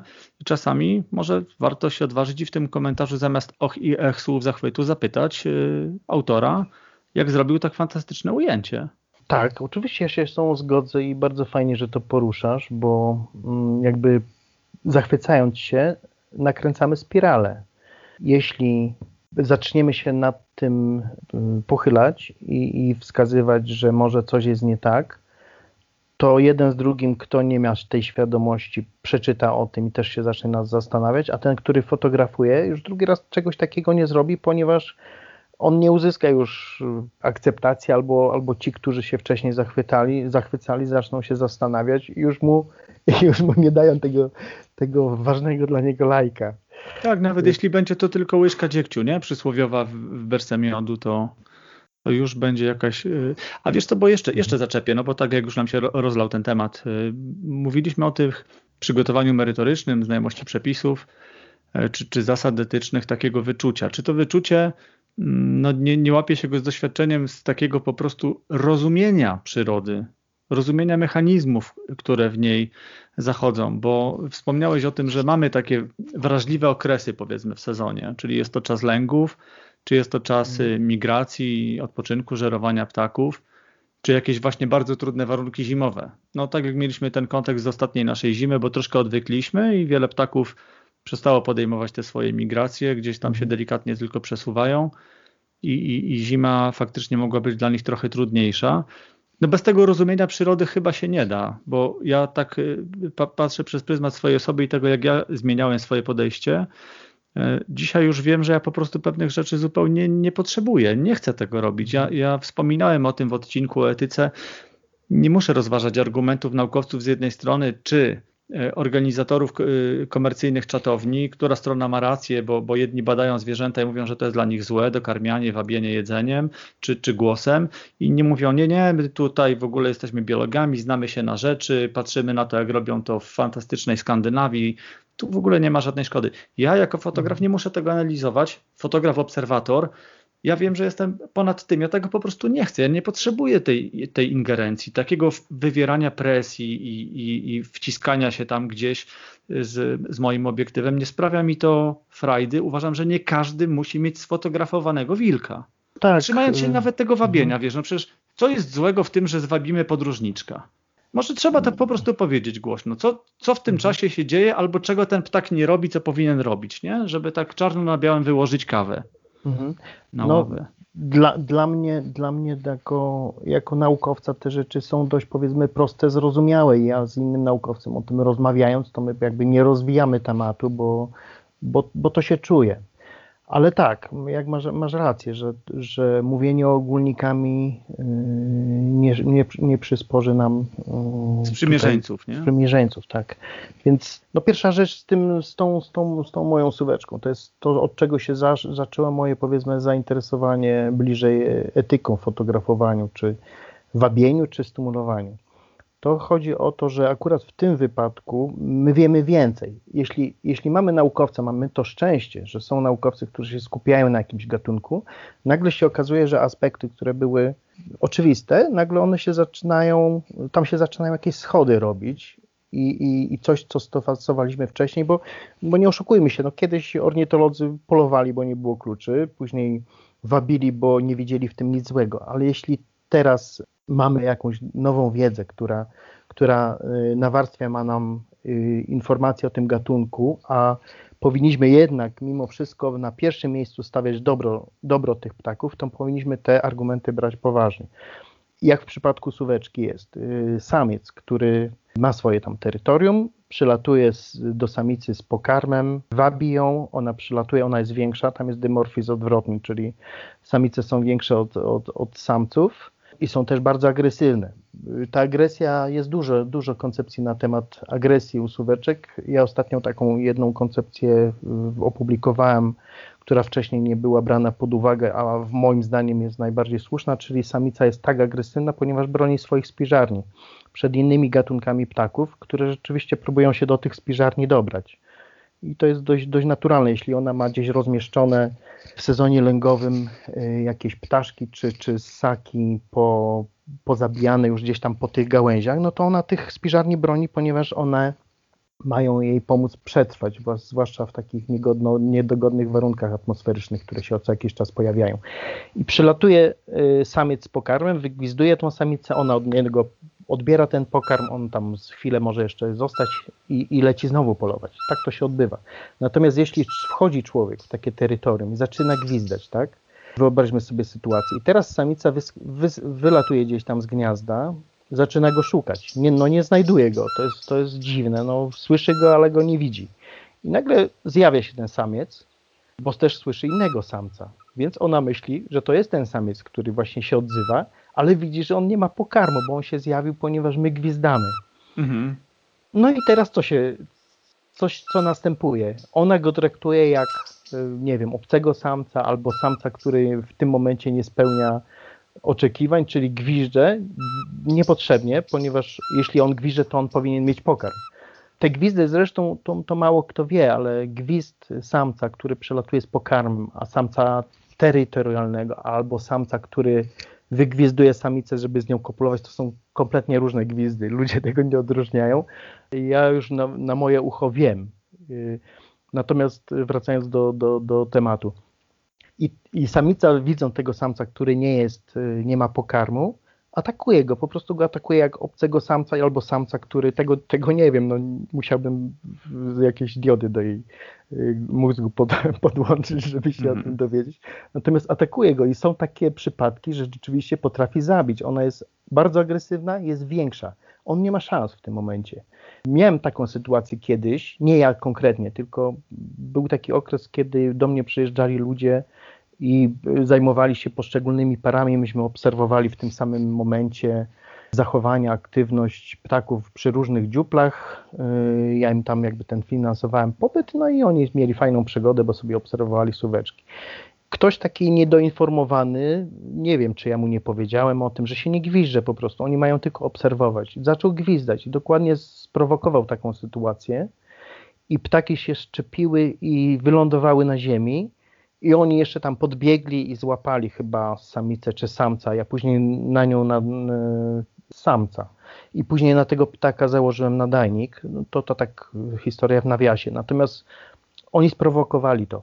Inna rzecz, która mówi, jak, jak to może być niebezpieczne, to jest taka, że na przykład w Niemczech była tak, był taki projekt reintrodukcji suweczek w, w lasach takich poprzemysłowych, e, kiedy jeszcze ona była rzadka, to hodowali je i nie, nie, nie wiedzieli o tym, że e, te ptaki trzeba w sezonie lęgowym czy po złożeniu jej oddzielić, bo jeśli samiec zaczął gwizdać, a nie miał pokarmu, a wiadomo, że w niewoli nie zawsze ma pokarm jak gwizdże, no to ona go traktowała jako, jako tam ptaka, który nie spełnia oczekiwań i, i go po prostu atakowała i, i, bardzo często zabijała tego samca. Ten zapis, który mówi o tym, żeby nie stymulować czy nie wabić ptaków ciągłym głosem, no to jest dużo badań na, ten, na, na temat różnych gatunków i to może na przykład tak powodować nadmierne y, wydzielanie kortyzolu, hormonu, który jest jakby w nadmiarze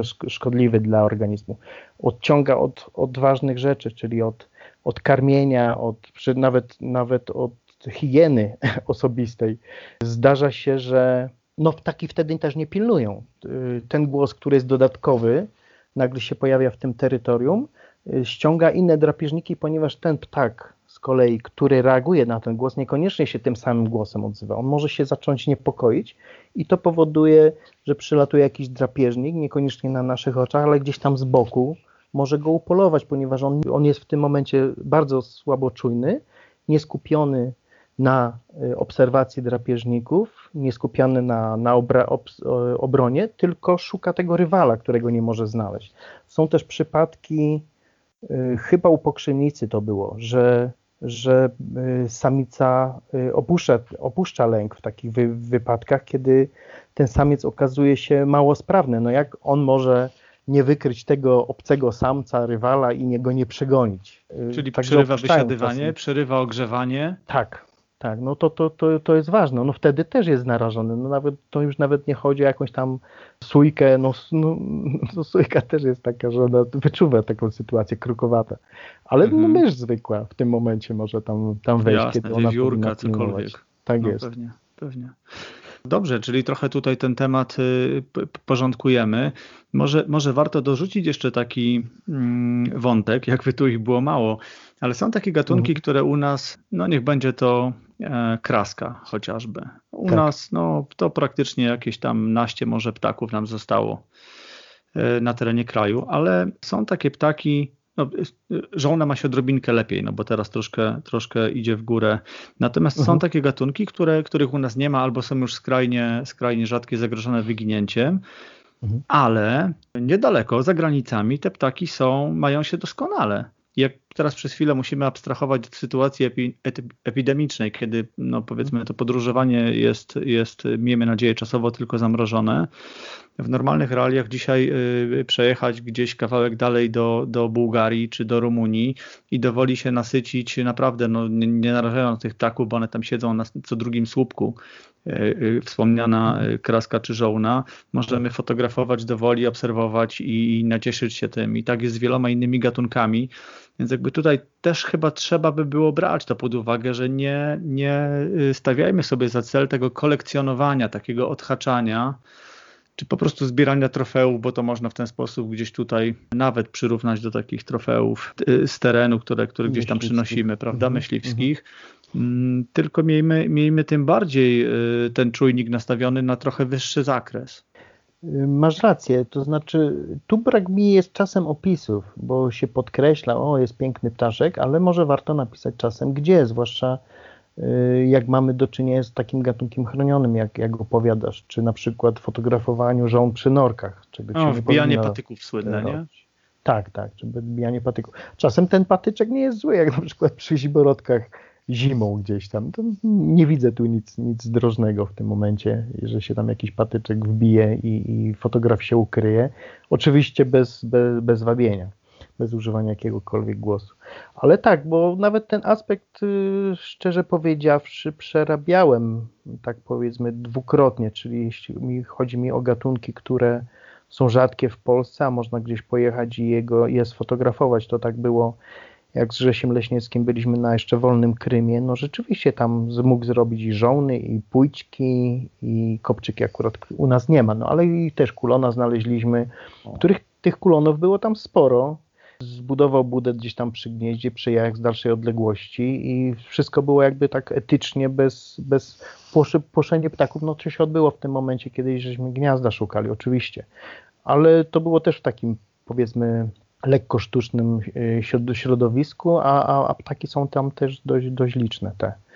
E, I, I ostatnio na przykład też taką miałem sytuację, jak pojechaliśmy na Kareli i też tam szukaliśmy właśnie mm, błotniaków zbożowych. Akurat nie, nie chodziło o, tam chodziło bardziej o aspekt naukowy, no ale przy okazji można było fotografować takie, które tam niepokoiły się albo nad, nad, nad, naszymi głowami, kiedy zakładaliśmy obrączki czy nadajniki, ale, ale to przy zastosowaniu fotopułapki zwyczajnej tam wtedy też, też przyniosło dużo, dużo ciekawych ujęć, zachowań.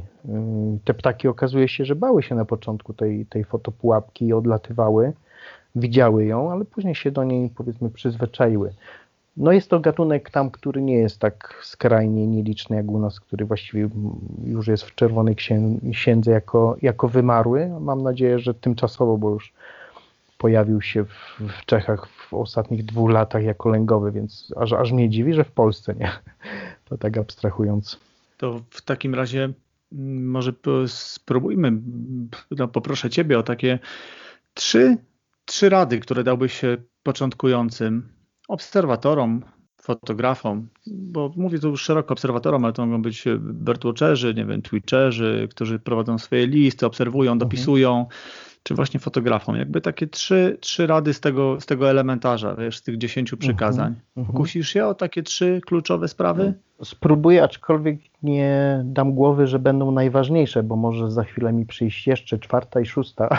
Mhm, Natomiast pierwsza rzecz, która mi tak przychodzi do głowy, to jest tak, to dobrze by było, żeby mieli kontakt z, z kimś, kto ma duże doświadczenie. Może być to fotograf oczywiście, ale który robi to etycznie i jest w stanie podpowiedzieć drogę. Nie, nie udawajmy, że, że wiemy wszystko, bo nie wiem, bo przeczytaliśmy czy, czy przeglądaliśmy wszystkie albumy Puchalskiego, czy, czy jesteśmy na forach jakichś międzynarodowych. Nie, nie o to w tym wszystkim chodzi.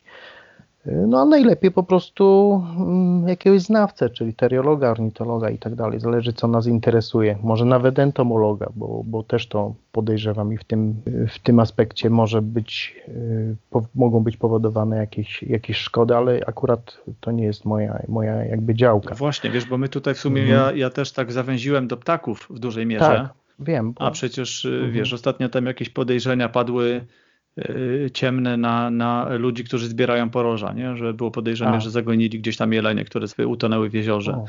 Y, no, są, są różne inne aktywności, ale też faktycznie no nie, nie tylko ptaki ludzie fotografują, podglądają, bo to, bo to dotyczy faktycznie szeroko pojętych y, organizmów żywych, którym, którym możemy no, pośrednio w jakiś sposób szkodzić. Z tym zapędzeniem no jeleni to też mi tak przypomniałeś jeden aspekt, bo my mówimy, że kodeks etyczny fotografów przyrody, jakby zawiera dość, dość sporo informacji, rzeczywiście zawiera, ale jakby y, często brakuje mi tam takich wytycznych twardych, bo słowo, mm, słowa typu ostrożnie, pomyślunkiem i tak dalej, one nic, mhm. nic w rzeczywistości nie mówią, prawda? I na przykład y, z tym zapędzeniem do wody, to tak mi się przypomniało, że jeden z kodeksów etycznych y, zachodnich traktuje o tym, żeby jeśli jesteś na plaży, a, a widzisz piskle nagle, które jest między tobą a wodą, czyli masz ty, piskle, woda, nie mhm. możesz się do niego zbliżyć, bo ponieważ on ci ucieknie do tej wody zwyczajnie, to, to, to nad morzem czy, czy na jakiejś wyspie nie mhm. możesz się do takiego pisklęcia zbliżać. Albo jest na przykład twardo powiedziane w przypadku y, sieweczek, że jeśli ona widzisz już zachowania, które świadczą o tym, że gdzieś tam mm, podejrzewasz, że może być gniazdo w tej, w tej czy tamtej kępie trawy, nie możesz się do niej zbliżać wie, więcej jak na 25 metrów, akurat y, powiedzmy przy sieweczce, takiej, która jest przyzwyczajona do spacerowiczów wzdłuż plaży, tak? czyli, czyli ona ma ten dystans mniejszy niż, niż jakaś sieweczka na jakiejś wyspie oczywiście, bo ona wtedy ze 100 metrów na ciebie zacznie reagować, ponieważ tam się ludzie nie, nie zjawiają na, na co dzień. No, tak, także mówię o tych, o tych twardych, twardych zapisach, które mi się od razu przypomniały, jak w kontekście tego, co opowiedziałeś o tych jeleniach. Czyli raz, znajdź sobie mhm. dobrze rozumianego nauczyciela, tak. który trochę cię wprowadzi w te, w te tajniki, bo wychodzimy z założenia, że trochę więcej wie i korzystajmy z tej wiedzy, to raz. Tak, i, i, i wracając z terenu, czy nawet jak jesteś w terenie, no to dzwoń, pytaj, zastanawiaj się, rozmawiaj o tym. Tak, tak, to jest chyba pewnie, pierwsza pewnie. rzecz, która pewnie. mi przychodzi do głowy. Druga rzecz to jest chyba rzeczywiście trzeba się zapoznać, już nie mówię o o ustawach, ale rzeczywiście kodeks etyczny y, fotografów przyrody, Polskiego Związku Fotografów Przyrody jest, jest, jest uważam bardzo ważny, bo on jakby reaguje też i wpisuje te rzeczy, które się dzieją na bieżąco, to co, o czym mówiliśmy też w przypadku tam y, ssaków, ptaków i tak dalej i te zapisy są jakby w ciągle, ciągle uzupełniane o problemy, które się pojawiają na bieżąco. Więc myślę, że to jest, to jest bardzo ważny dokument, żeby go wziąć sobie do serca, bo on nie jest stworzony tylko po to, żeby sobie istniał i nie służy też tylko y, temu, żeby jeden drugiego strofował, bo wie lepiej, bo tam jest tak zapisane, a ty o tym nie wiesz, tylko to służy zwierzętom, to służy ich, ich, ich przetrwaniu, a, a tych y, bodźców odludzkich niestety w świecie przyrody jest ogrom. I, i my po prostu spychamy te zwierzęta coraz bardziej, coraz bardziej, a skoro wszyscy czujemy się przyrodnikami, bo taki fotograf, ja, ja, ja każdego fotografa od, odbieram jako też sprzymierzeńca ochrony przyrody w rzeczywistości, bo tak powinno być. My powinniśmy być wszyscy w jednej jakby partii. A fotografia jest fajnym narzędziem, nie? Fotografia jest do tego doskonałym narzędziem, tak. e, chociażby do takiej Dobry. właśnie promocji, nie? Do, do robienia Dobry. fajnej roboty. Tak jest. Pokazywania, co mamy, że jeszcze mamy. Tak, ja, ja y, badając ptaki uważam, że nawet każdy y, naukowiec powinien mieć aparat, dlatego że, że spotyka się z różnymi y, dziwnymi rzeczami, powinien sfotografować, to opisać. I to też jest taki, powiedzmy, wymóg, powinien, powinien prawie, że być nasz, nasz obowiązek jako edukatorów, bo naukowiec też powinien być edukatorem, ale jest, jak wiesz, paru dobrych przyrodników, którzy robią świetne fotografie, jak nie wiem, Tomek Wilk czy, czy, czy dyrektor z, y, Zakładu Badania Ssaków z Białowieży, tak? Rafał mhm. No, tak świetne zdjęcia robią i są bardzo dobrymi naukowcami. I, i, I, to jest cudowne połączenie tych dwóch aspektów. I chociażby o, to, to są ludzie, do których można się czasem zwrócić. Podejrzewam, że nie mają aż tak wiele czasu, żeby każdemu rady udzielać, ale być może przynajmniej jakieś e, od czasu do czasu mogą puścić jakiegoś posta ogólnego ze swojego doświadczenia, który powinno się traktować poważnie. Pewnie. Może to by był jeden z punktów. Traktujmy rady ludzi doświadczonych poważnie. Może no tak. i wróć, wróćmy do autorytetów, co? Szanujmy naukę. Tak, tak. No niestety w tym, w tym kraju to jest jedna z rzeczy, które ostatnio padły, bo i niestety my się temu poddajemy. Czyli polityk wypowiadający się jest ważniejszy niż y, naukowiec. Jak świętej pamięci profesor y, Tomiałęś mówił bardzo ważne rzeczy, ale niestety one zostawały powiedzmy wśród przyrodników, a, a nie szły dalej. Nikt nie traktował tego aż tak poważnie, żeby na przykład y, pozwolić mu wejść do, do Rady Europy jako, jako poseł, chociażby mm -hmm, to. Mm -hmm. A, no, a czy z, z, zgodzisz się z tym, żebym dorzucił ten jeden z tych punktów, y, że po prostu reagujmy i to reagujmy bezpośrednio tak. będąc w terenie na, na żywo, jak to Bardzo się mówi. dobrze, tak. Ale jak, reagujmy jak, też tak. pośrednio później na tych chociażby słynnych forach, y, które dzisiaj no jednak bardzo często są takie za, zabetonowane takim właśnie myśleniem czysto zachwytowym nad tym, co widzimy i zupełnie bezrefleksyjnie. Czyli, czyli słynne zaniedbanie, czyli brak, brak reakcji, tak? Tak jest. Y, tak, powinniśmy, jak najbardziej, tak, bo, bo dla świę... niektórzy po prostu nie reagują dla świętego spokoju, ponieważ wiedzą, że to się zaraz spotka z jakimś hejtem, czy, bo, bo różne reakcje są oczywiście, no ale najgorzej jest nie reagować, jak, jak najbardziej, zwłaszcza, zwłaszcza w terenie, spotykając się z różnymi sytuacjami i na forach również, czyli kreować pozytywne postawy.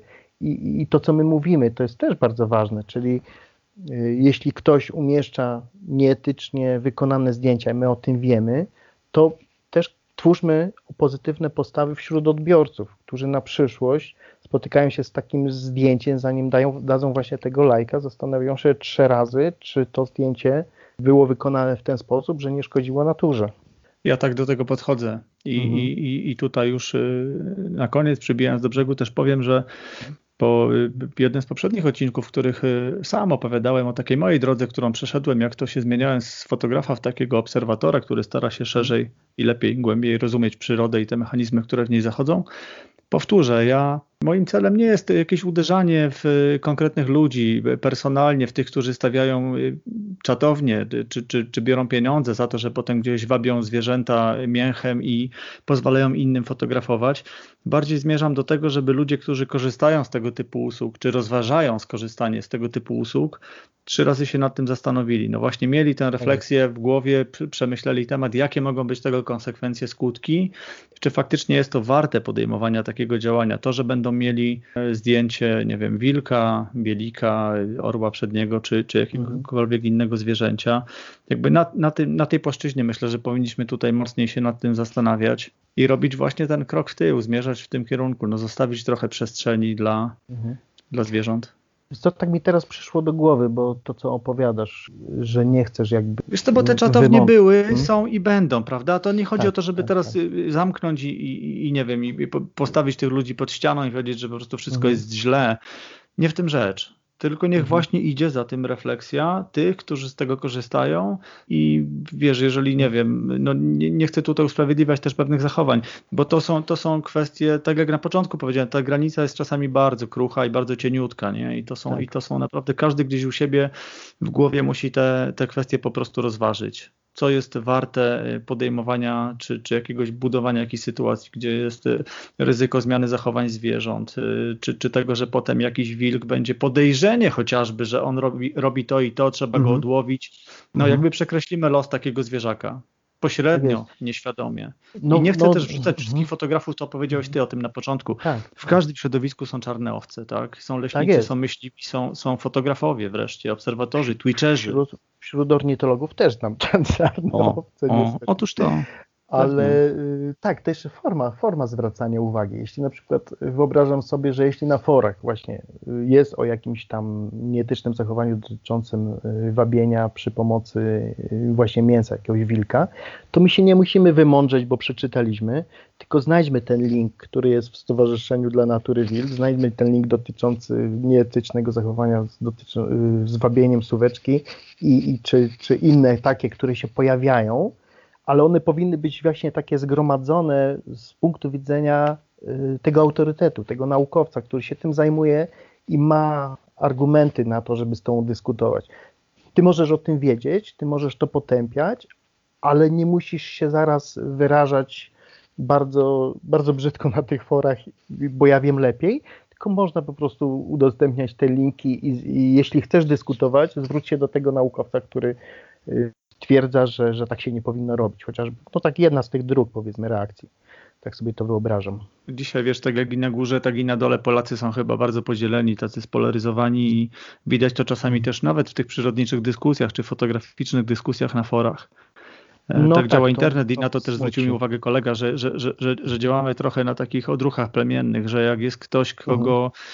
Znamy i, i, i, lubimy, to nawet jeśli on gdzieś tam popełni błąd, to i tak stoimy za nim murem i, i pokazujemy pełne poparcie ciężko jest, nie? Dużo ludzi, dużo ludzi reaguje mhm. nerwowo, od razu są, są jakieś niepotrzebne emocje, agresja czasami wręcz, nie? No nie mówię o... o tak, tak. No, tak, no dobrze tak, wiemy o, o, o, o co chodzi. A żeby, żeby zakończyć takim pozytywnym wątkiem, to jak widzisz przyszłość w ogóle takich działań jak, jak, jak, fotografia przyrodnicza? Wierzysz w to, że, to, że ten umiar znajdziemy i, i, będzie to po prostu faktycznie służyć dobrej, dobrej robocie, podnoszeniu świadomości w ogóle społeczeństwa, jeżeli chodzi o zwracanie uwagi na, na problemy? No nazwałem to gdzieś z jakimś takim reprezentowaniem przyrody, nie? że dzisiaj jednak potrzebujemy, potrzebujemy ją no, troszeczkę wesprzeć, bo, bo nie jest lekko. Ja myślę, że no twoja droga jest tak, takim ciekawym przykładem, bo to jest rzadka droga, żeby od fotografa wiesz, ja, ja, też się ciągle uczę i też popełniałem błędy i pewnie mhm. nadal je popełniam, nie? Tylko wiesz, no tak. jakby świadomość tego i rozmowa z ludźmi takimi jak ty też często gdzieś cały czas jeszcze naprowadza, nie? Ten, ten, ten, to, to, to, mhm. ten kompas jakby cały czas się gdzieś tam jeszcze, jeszcze na tą właściwą ścieżkę y, nastawia, ale myślę, że już jestem tego, tego bliżej. Nie? Chciałbym, dlatego tak. chcę tak, tak marudzę tutaj ludziom w tym pozytywnym znaczeniu, żeby, żeby moi słuchacze też szli do kolejnych, pokazywali te zdjęcia, opowiadali o tym, jaka fantastyczna jest przyroda, jak, jakie fajne rzeczy można przeżywać, dlaczego jesteśmy dzięki niej lepsi, jako mhm. ludzie również. Dlaczego ja, ja może... powiem, że szczerze to jestem podbudowany generalnie tym nawet, że ta fotografia tak się rozbudowała, bo to jest fotografia przyrodnicza, czyli to, to z reguły są ludzie, mam nadzieję, że, no oczywiście nie wszyscy, ale większość jest jakichś takich wrażliwych i oni w ten sposób próbują przekazać swoje emocje za, za, za pomocą obrazka. Ja zawsze uważam, że, że, że to buduje się jakby... Mm, politycznie obóz zwolenników ochrony przyrody, która niestety strasznie jest teraz y, zaniedbana przez, przez fakt, że się po prostu dążenie do pieniądza, nie wiem jak to nazwać, no tak, tak, tak teraz to widzę, mhm. że to, to wszystko zło, które się dzieje jest po prostu Kasa gdzieś tam... za wszelką cenę, w imię wielkich interesów, wielkich pieniędzy. Tak jest. Tak, tak, bo, bo do wszystkiego się na, na, nagnie jakąś filozofię, ale im więcej tych zwolników będzie przez jakąkolwiek formę, czy to będą właśnie fotografowie, czy, czy, czy jakieś tam przyrodnicy, czy nawet miłośnicy jakiegoś lasu w pobliżu, to jest cały czas forum tych ludzi, którzy, którym zależy. Zobaczmy, jak, jak, jak wielka wspólnota jest w takiej Anglii, gdzie jest milion y, ludzi, którzy y, są członkami RSPB, a, a w Polsce jest dużo tych organizacji. One są gdzieś tam działają na swoim y, podwórku, natomiast fajnie by było, żeby to jest też było takie wspólne forum ludzi, którzy mają taką siłę dużą, bo, bo było, nie było, jesteśmy trochę w opozycji do innych środowisk typu y, myśliwych, czy nawet y, ciężko mi to powiedzieć, ale również leśników, którzy niestety patrzą na nas jak, jak, jak rolnicy, no bo to nie mm -hmm. można oddzielić za mm -hmm. bardzo. No i ten przykład, który przywołałeś, że jednak e, Brytyjczycy są w stanie wręcz wpływać na stanowienie prawa. Mówię tutaj o obserwatorach ptaków chociażby, o birdwatcherach. Tak. Tak jest. A u nas, zobacz, środowisko myśliwych to nie wiem ile jest w Polsce, ze 2% naszego społeczeństwa? No jest to dużo. trudno mi powiedzieć, nie? nie, tak, tak, ale chodzi mi o to, że, tak. że, że A, jest to jednak tak. siła, jest to jednak tak. siła, która też wpływa na stanowienie prawa, no bo umówmy się, no bezpośrednio, pośrednio, lobując tak czy inaczej, jednak ma na to wpływ. A, a przyrodnicy bardzo często jest tak, że są środowiska podzielone i to fotograficzne doskonale pokazuje y, tutaj, jak, jak mocne są to nieraz podziały właśnie w tej mhm. filozofii, podejściu, jakby pewnej nawet misji, którą powinniśmy sobie stawiać, a nie wszyscy tak to traktujemy, bo wiesz, bawmy się przy tym. Naprawdę, tak. realizujmy się w terenie, rozwijajmy swoje jakieś umiejętności też. Y, miejmy odskocznie dla głowy regenerujmy się. Tak, nie zwariujemy może dzięki tej przyrodzie i, i lasom, i, i, i ptakom. Natomiast no, jak będzie z tego ten jeszcze dodatkowy jakiś skutek w postaci tego, że kogoś pozytywnie zarazimy, kto też może nie będzie bezrefleksyjnie chłonął z mediów informacji o złym wilku, wiesz, i to, i to co nam zaszczepiono, że po prostu był czerwony kapturek, zły wilk i dobry gajowy z flintą. No wiesz, my mhm. czasami tak trochę, trochę na tym poziomie do tego podchodzimy, nie? No tak, ale to od razu mi się taki apel do, do naukowców.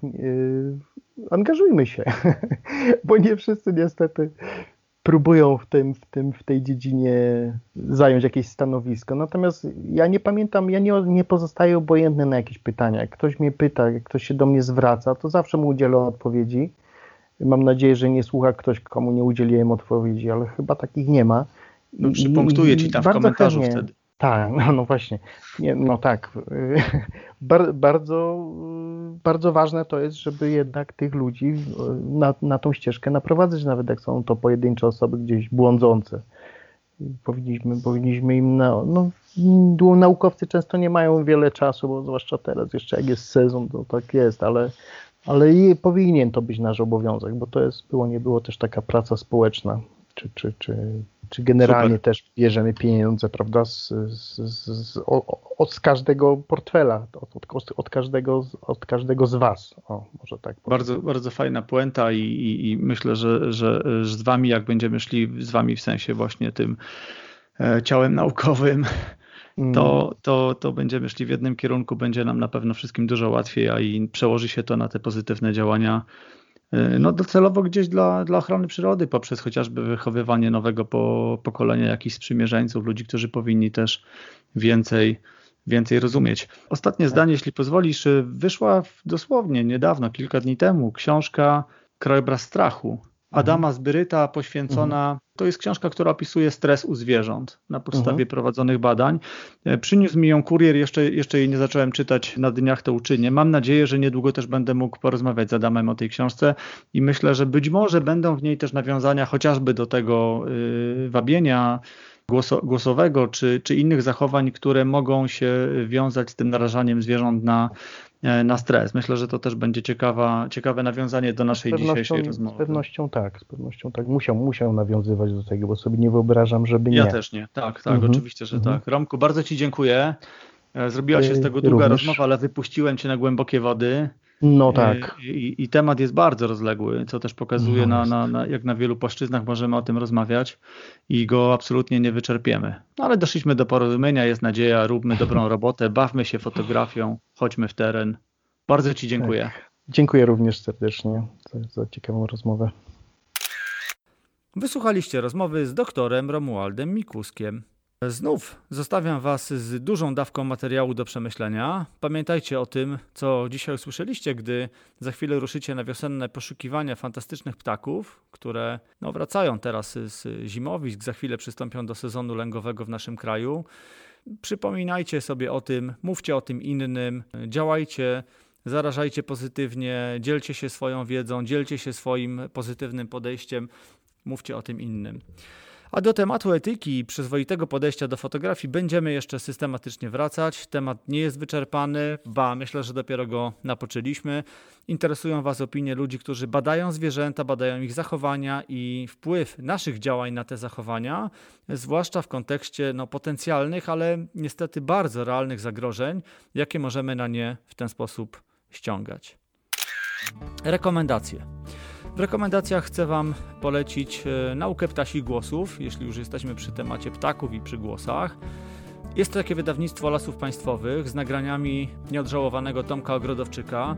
Jaki to ptak? E, to jest zbiór chyba 160 ptasich głosów. Do tych e, głosów dołączony jest e, lektor, który opowiada o pewnych cechach charakterystycznych poszczególnych ptasich głosów i informuje nas, jak te głosy rozpoznawać, na co zwracać uwagę, co zapamiętywać. Bardzo fajne wydawnictwo, super. Nie wiem, czy jest w Polsce lepsze, w sensie polskie jako rodzime. Załączam też link do strony, na której znajdziecie również e, głosy ptaków. E, jest to dosyć bogata i taka otwarta, darmowa e, baza tych głosów. To też wrzucam do tego link.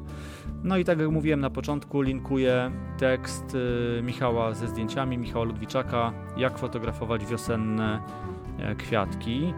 Wszystkie te linki, pewnie nawet więcej niż tu wymieniłem, oczywiście odnośnik do, do, do samej osoby Romualda Mikuska, do jego strony, e, do jego działalności.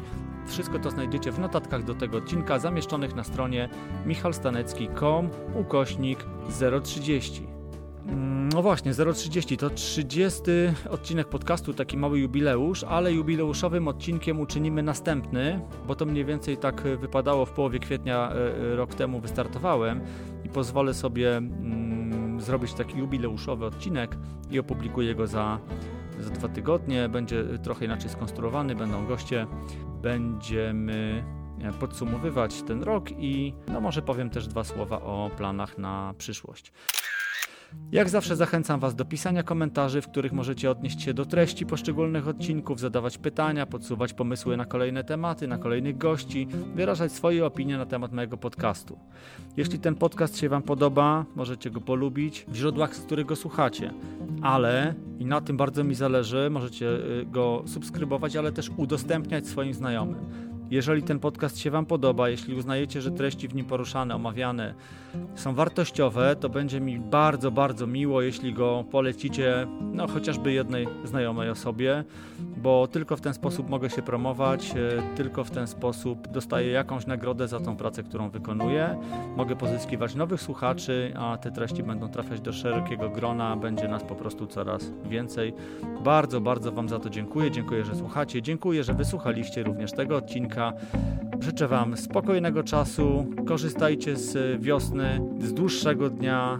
Bądźcie przyzwoitymi przyrodnikami. Trzymajcie się ciepło i do usłyszenia już wkrótce. Cześć!